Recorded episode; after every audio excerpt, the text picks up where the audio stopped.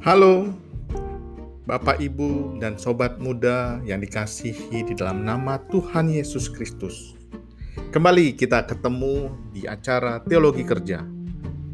Pada kesempatan ini kita akan berbicara tentang Tuhan panggil untuk bekerja. Siapakah yang tidak pernah bekerja seumur hidupnya? Tentunya tidak seorang pun Orang-orang yang paling malas sekalipun pasti pernah bekerja. Hal yang paling penting yang perlu kita ketahui bersama ialah alasan kenapa kita harus bekerja di dalam dunia ini. Adapun jawabannya ialah oleh karena Tuhan adalah Tuhan yang bekerja. Tuhan punya rencana dan rancangannya selalu yang terbaik untuk kita umatnya seperti yang tertulis di Efesus 2 ayat 10 karena kita ini buatan Allah, diciptakan dalam Kristus Yesus untuk melakukan pekerjaan baik yang dipersiapkan Allah sebelumnya. Ia mau supaya kita hidup di dalamnya. Tuhan terlebih dahulu memperlihatkan kepada kita bahwa Dia telah bekerja sejak kekekalan, dan bukti nyatanya ditunjukkan melalui karyanya dalam penciptaan selama enam hari. Meskipun demikian, Tuhan tidak pernah beristirahat sekalipun. Dia tetap bekerja hingga sekarang untuk mendatangkan kebaikan bagi kita yang dipanggil untuk bekerja bagi Dia, seperti yang tertulis di Roma 8 ayat 28. Kita tahu sekarang bahwa Allah turut bekerja dalam segala sesuatu untuk mendatangkan kebaikan bagi mereka yang mengasihi Dia, yaitu bagi mereka yang terpanggil sesuai dengan rencana Allah. Bapak, Ibu, dan sobat muda, lalu apa tujuan Tuhan panggil kita untuk bekerja? Tujuan Tuhan bagi kita bekerja tertulis di kejadian 1 ayat 28. Allah memberkati mereka, lalu Allah berfirman kepada mereka, Beranak cuculah dan bertambah banyak, penuhilah bumi dan taklukkanlah itu. Berkuasalah atas ikan-ikan di laut dan burung-burung di udara dan atas segala binatang yang merayap di bumi. Tuhan bekerja untuk memelihara ciptaannya melalui kita, wakilnya, dalam perluasan dari pekerjaan penundukan itu. Ketika kita mencangkul tanah dan menanam bibit tumbuhan ke dalam tanah, serta itu pun akan menghasilkan makanan. Ketika kita pergi ke laut dan menangkap ikan untuk diolah untuk menjadi makanan. Kita pun berburu babi hutan untuk dijadikan makanan. Hal ini kita lakukan untuk melanjutkan pekerjaan Tuhan dalam membentuk, mengisi, dan menundukkan seluruh ciptaannya.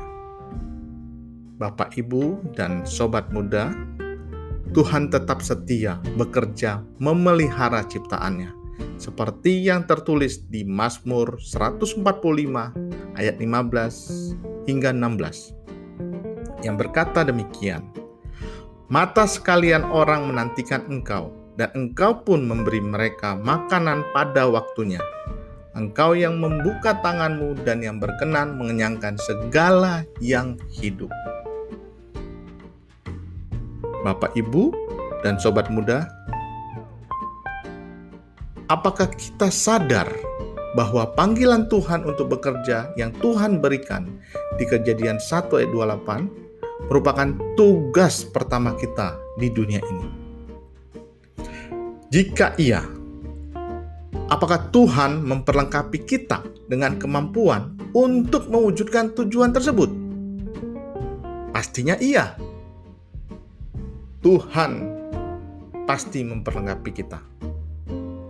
Kita diciptakan menurut gambar Allah dan diberkati olehnya. Kita telah didesain berdasarkan fungsi dan tujuan hidup kita. setiap hal yang kita kerjakan seharusnya memiliki dampak dan berguna bagi orang lain dan sesama kita. Contohnya, ketika kita hadir dalam suatu komunitas, baik pekerjaan, pelayanan, dan kegiatan sosial, kita dapat memberikan pengaruh positif yang bisa dirasakan oleh orang-orang di sekitar kita. Tuhan ingin kita menikmati apa yang dikerjakan, bukan karena paksaan, melainkan karena sadar akan panggilan dan tujuan hidup kita.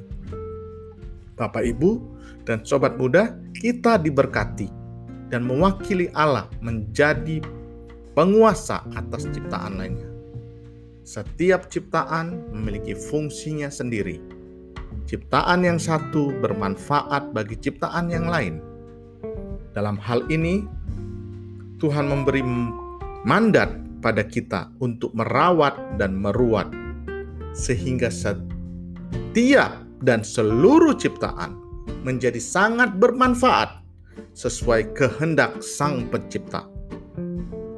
Karena itu, hubungan kita dengan lingkungan hidup seperti dua sisi dari satu mata uang yang harus dijalani secara seimbang kesaling kebergantungannya pada alam dan kepemimpinannya atas alam. Kiranya kita tetap setia dalam mengerjakan mandat Tuhan dan berjalan menuju satu tujuan, yaitu tujuan yang telah Tuhan tetapkan sejak kekekalan bagi hidup kita di dalam dunia ini. Bapak, Ibu, dan sobat muda, Bagaimana pekerjaan kita dapat memuliakan nama Tuhan? Jawabannya tertulis di Kolose 3 ayat 23 yang berkata demikian. Apa saja yang kamu perbuat dan kamu kerjakan, kerjakanlah dengan sepenuh hati, seperti untuk Tuhan dan bukan untuk manusia. Kiranya firman Tuhan memberkati Bapak, Ibu, dan sobat muda sekalian. Amén.